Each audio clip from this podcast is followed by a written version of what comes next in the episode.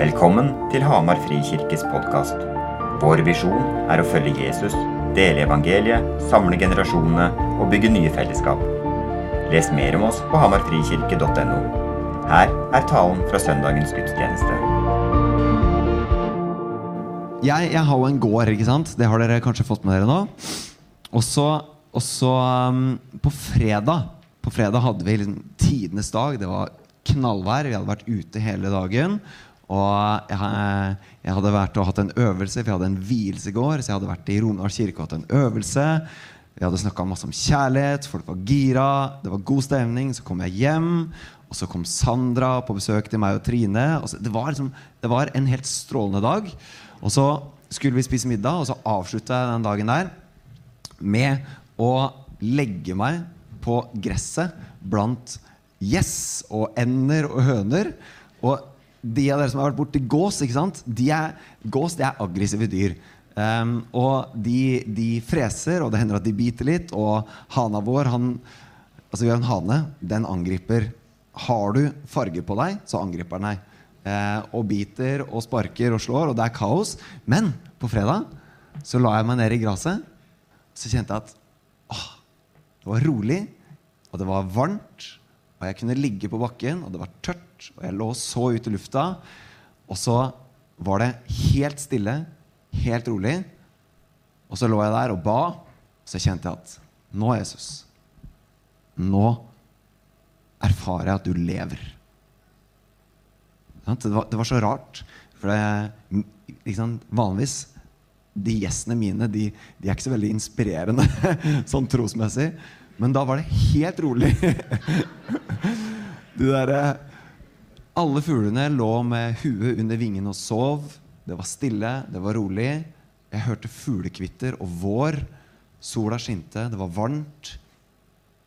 Og så sa jeg, lå jeg der og ba og snakka med Gud, og så var det sånn her Jesus, du lever. Og du er min venn. Jeg får kjenne deg. Og så I det øyeblikket så var det, det var så utrolig godt. Og jeg har vokst opp i en kristen familie og sikkert trodd hele livet. Og så har jeg snakka mye om min trosreise før. Men påske har en tendens til å bli bare en historie og en høytid som går på repeat og automatikk. Det er bare noe som skjer. Men tenk Tenk hvis det er sant at Jesus lever. Tenk hvis det er sant. Tenk hvis det er sant. Hva betyr det? Hva gjør det med deg? Og tenk hvis det ikke bare er sant at han lever, men jeg kan få erfare han. Jeg kan få kjenne han.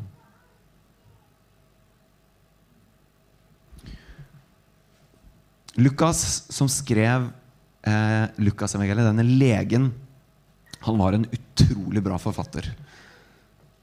Han skriver veldig godt. Og Når du leser Lukasevangeliet, så er det masse store temaer som går igjen.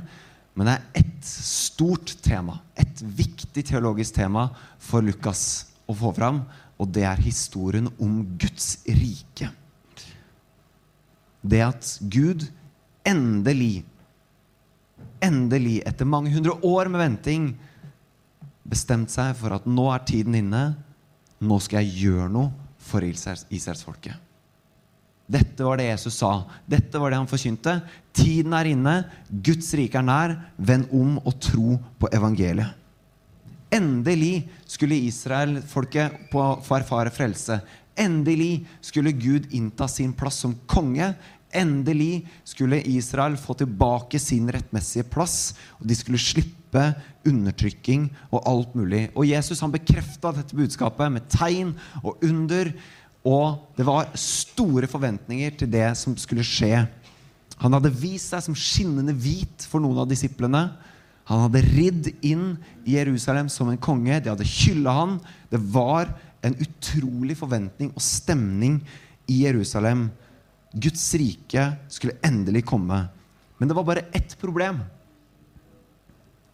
Og det var at dette riket det var så utrolig annerledes enn det mange hadde forventa. De religiøse lederne og mange i folket trodde at nå skulle Romerriket bli kasta ut. Vi skulle bli et politisk selvstendig nasjon, og vi skulle være fri. Men det Jesus drev med, og Lukas han løfter dette veldig fram Det Jesus drev med, det var å løfte opp fattige. Det var å se de utstøtte. Det var å etterjage de ensomme. Det var å helbrede de syke. Det var å sette kvinner fri. Lukas han skriver et evangelium som var helt annerledes enn det folket forventa. Og denne historien som Lukas skriver, da, denne historien om Guds rike den når sitt klimaks. Og det er så paradoksalt å si det. Det er et klimaks som er et bunnpunkt når denne Messias dør. Guds rike når sitt bunnpunkt og toppunkt med Jesu lidelse og død. Messias, denne frelseren, ble heist opp på et tre av skam. Og vi forstår ikke det. Vi forstår ikke hvor utrolig ille det var. For den som ble korsfesta, han var under forbannelse. Det var det mest vanæra du kunne bli. Ikke bare ble du drept, men du ble drept av hedningen i tillegg. Denne Messias hånes, utstøtt, regnes blant lovbrytere, og så dør han. Alt er feil! Alt er feil.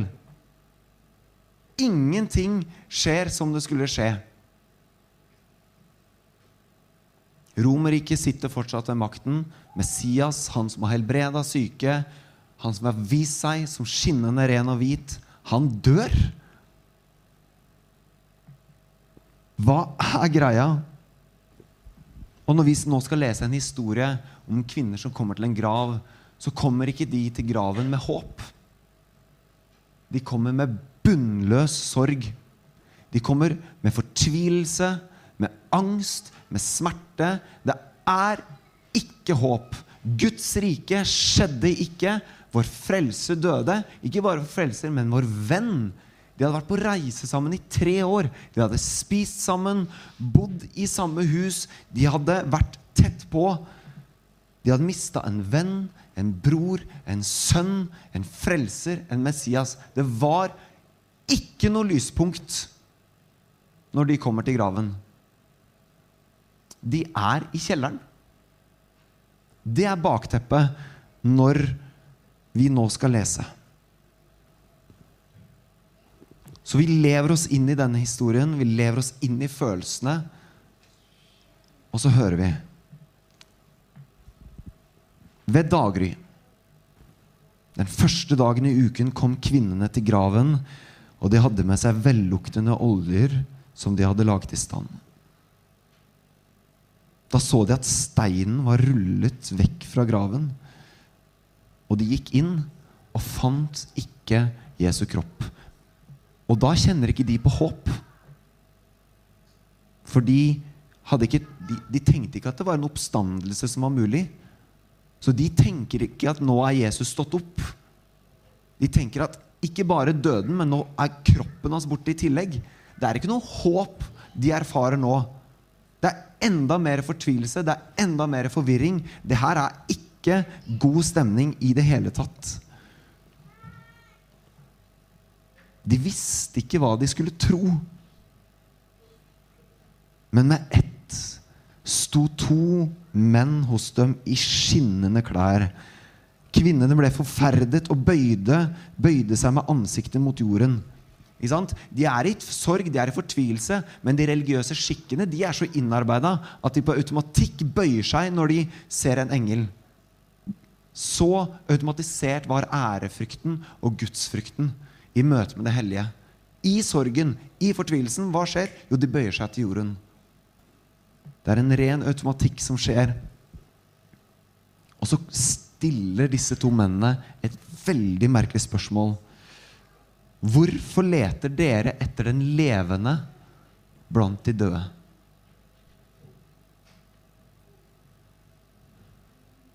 Den levende blant de døde? Hva betyr det? Og så sier de han er ikke her. Han har stått opp. Husk hva han sa. Og det er nøkkelpunktet. Husk hva han sa. Og med det så raser tre år med undervisning, med lærdom, med samtaler, med bønn, med bibelstudier tilbake.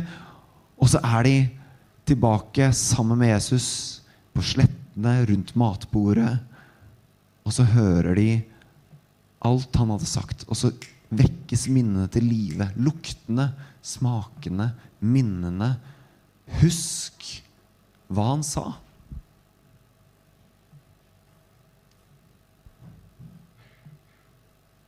Menneskesønnen skal overgis i syndige menneskers hender og korsfestes.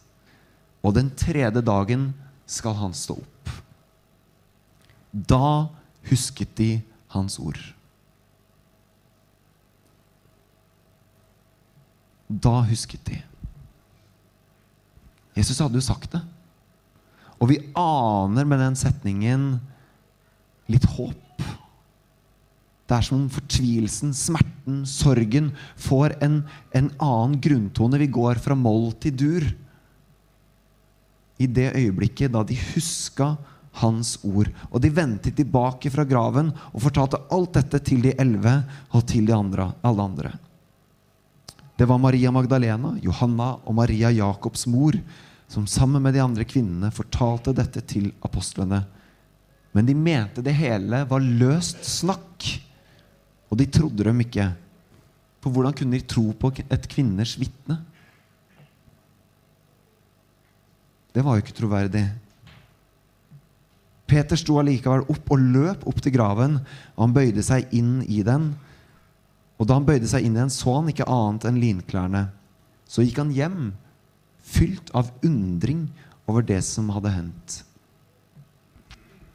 Når du sammenligner de ulike evangeliene, så, så forteller bl.a. Markus og Matteus om at de møtte Jesus der og da, men Lukas han trekker ikke fram den detaljen. Og hvorfor utelater Lukas at de ikke møtte Jesus der? Har du tenkt over det noen gang? Hvorfor er den detaljen borte? Og Teologen Joel Green han tror at poenget til Lukas her er å vise at graven er tom. Graven, det de oppsøkte, er irrelevant.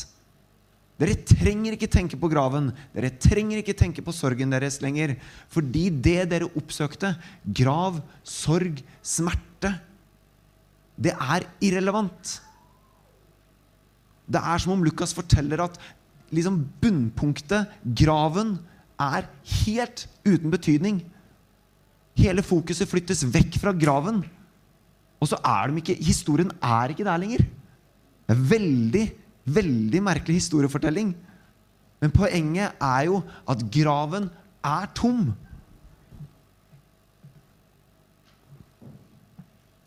Og med det så vekkes et håp til live. Håpet om en frelser og håpet om Guds rike.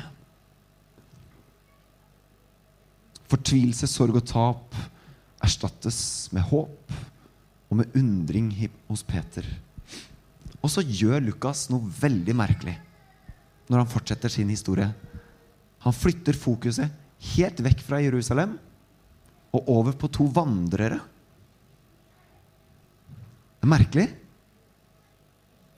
Jerusalem som var liksom, Det var der det skjedde, det var det som gjaldt. Det var høysetet for Guds rike. Det trodde man, ikke sant? Det var det det handler om. Og det er som om Lukas trekker fokuset vårt tilbake til historiene som vi kan lese om i kapittel 15, om gjeteren som leter etter den ene. Fordi historien handler plutselig om Jesus som går sammen med to som er på vei vekk fra Jerusalem. På vei vekk fra det som hendte. Og vi aner en grunntone av Guds rike i aksjon, der Jesus igjen oppsøker de som er på vei vekk. De hadde hørt om det som hadde hendt. Nå hadde folk begynt å snakke om at han hadde stått opp. Hva gjør de? Jo, de stikker av. Og hva gjør Jesus? Han oppsøker dem. Og det er det Lukas forteller om. Det er en fascinerende historie om Jesus som peker på hva Skriftene hadde sagt. Og så later han som om han vil gå videre, slik at de tvinges til å invitere han inn. Og så inviterer de han inn, og så bryter han brødet, som vi gjør i nattverden, og da kjente de han igjen. Det er fascinerende historiefortelling.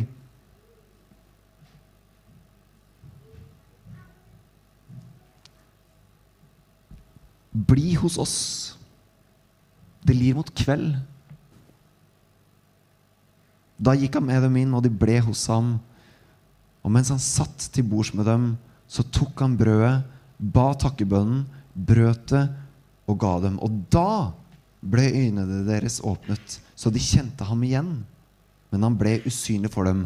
Og legg merke til emosjonene som beskrives nå. Når de sa til hverandre Brant ikke hjertet i oss da han talte til oss på veien og åpnet Skriftene for oss? Og de brøt opp med en gang og vendte tilbake til Jerusalem. Der fant de alle de elleve og vennene deres samlet. Og disse sa, Herren har virkelig stått opp og har vist seg for Simon. Så fortalte de to om det som hadde hendt på veien, og hvordan de hadde kjent han igjen da han brøt brødet. Den stemninga som har vært i den stua idet Jesus brøt det brødet, de kjenner han igjen, og så forsvinner han.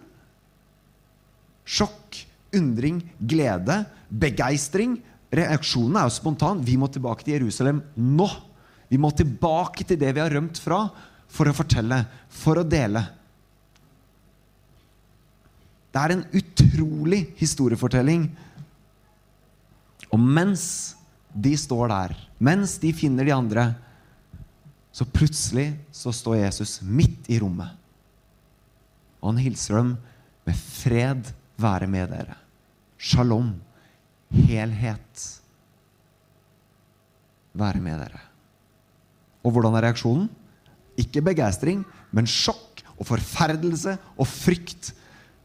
Fordi hva annet kan de gjøre?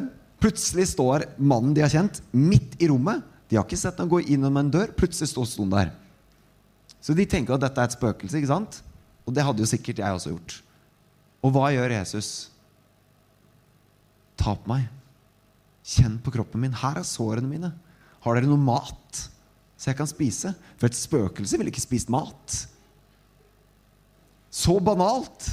Det er så utrolig banalt. Men så banalt gikk Jesus til verks for å vise at han levde. Så reelt var det. Og så krevende var det for dem å tro. Og for tredje gang så forteller Lukas om hvordan Jesus igjen pekte på Skriftene.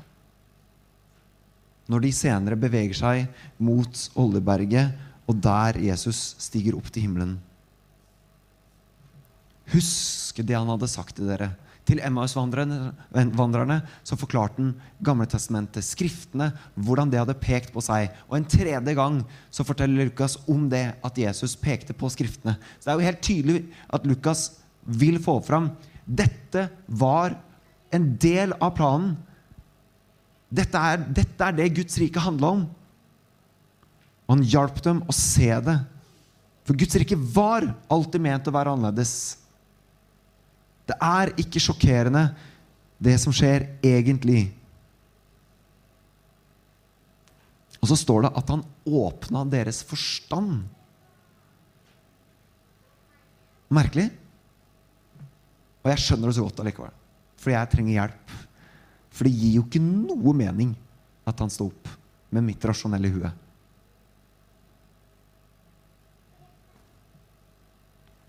Messias måtte lide og han skulle stå opp fra de døde. Og så forteller Jesus dette til disiplene med en tydelig invitasjon og budskap. I hans navn, i Messias sitt navn, i Jesu navn, så skal omvendelse og tilgivelse for syndene forkynnes for alle folkeslag, og dere skal begynne i Jerusalem. Dere er vitner om dette. Og se, jeg sender over dere det som min far har lovet. Dere skal bli i byen til dere blir utrustet med kraft fra det høye. Og mens han velsigna dem, skiltes han fra dem og ble tatt opp til himmelen. Og det som er viktig nå, det er at da har vi lett å tenke at Jesus fløt opp i en sky.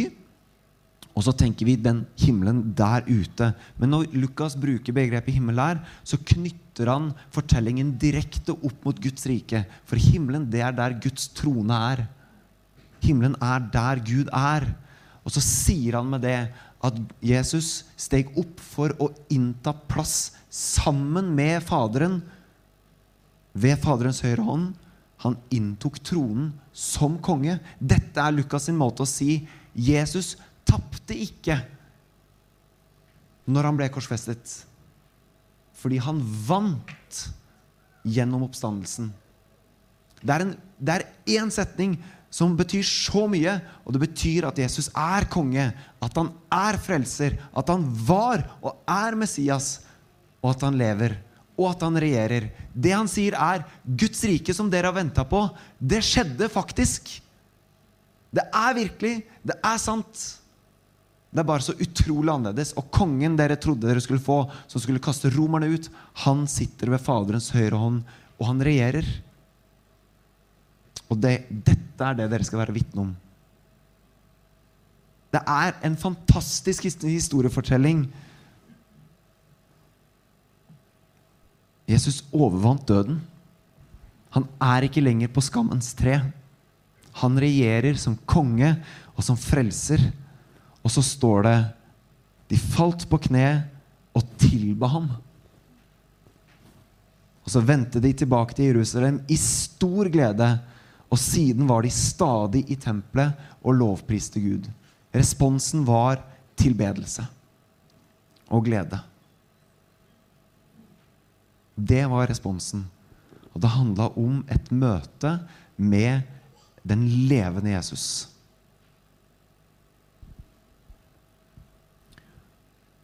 Tenk hvis det er sant.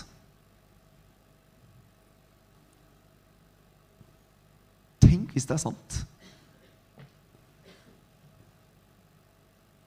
Tenk hvis det kan bli så sant for deg at det flytter seg fra huet til hjertet. Fordi min respons intellektuelt er dette er veldig fascinerende. Ja, men det, ja. Men når jeg lå blant gjess og ender og høner, så var min respons Shit, det er sant! Det er sant! Det er sant.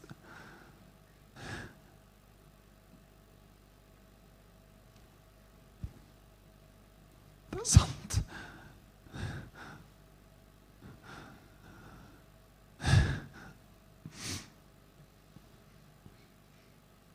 Hvis det er sant, hva gjør det med deg?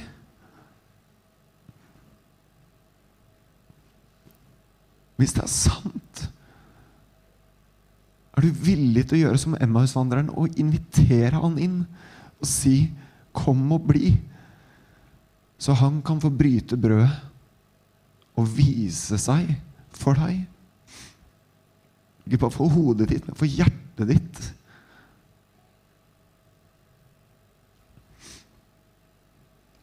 Jeg tror ikke at det er noe hjertet vårt kan gripe uten hjelp. Det er grunnen til at det står 'Han åpna deres forstand'.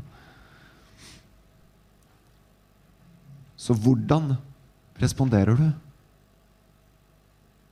For hvis det er sant, hvordan i all verden skal jeg leve da?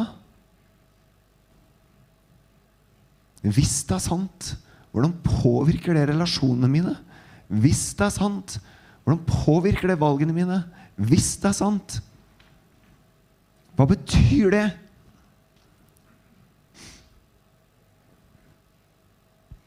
Hvis dette er sant, så er det det viktigste vi kan fortelle.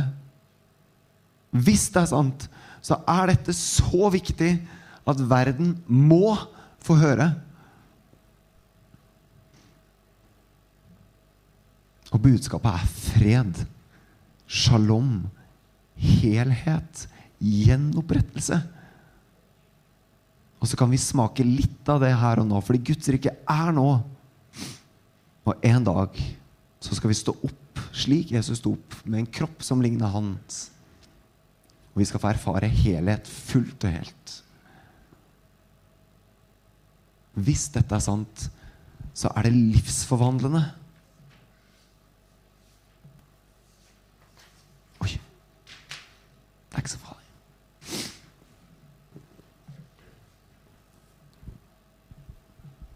Hvordan skal du respondere på det?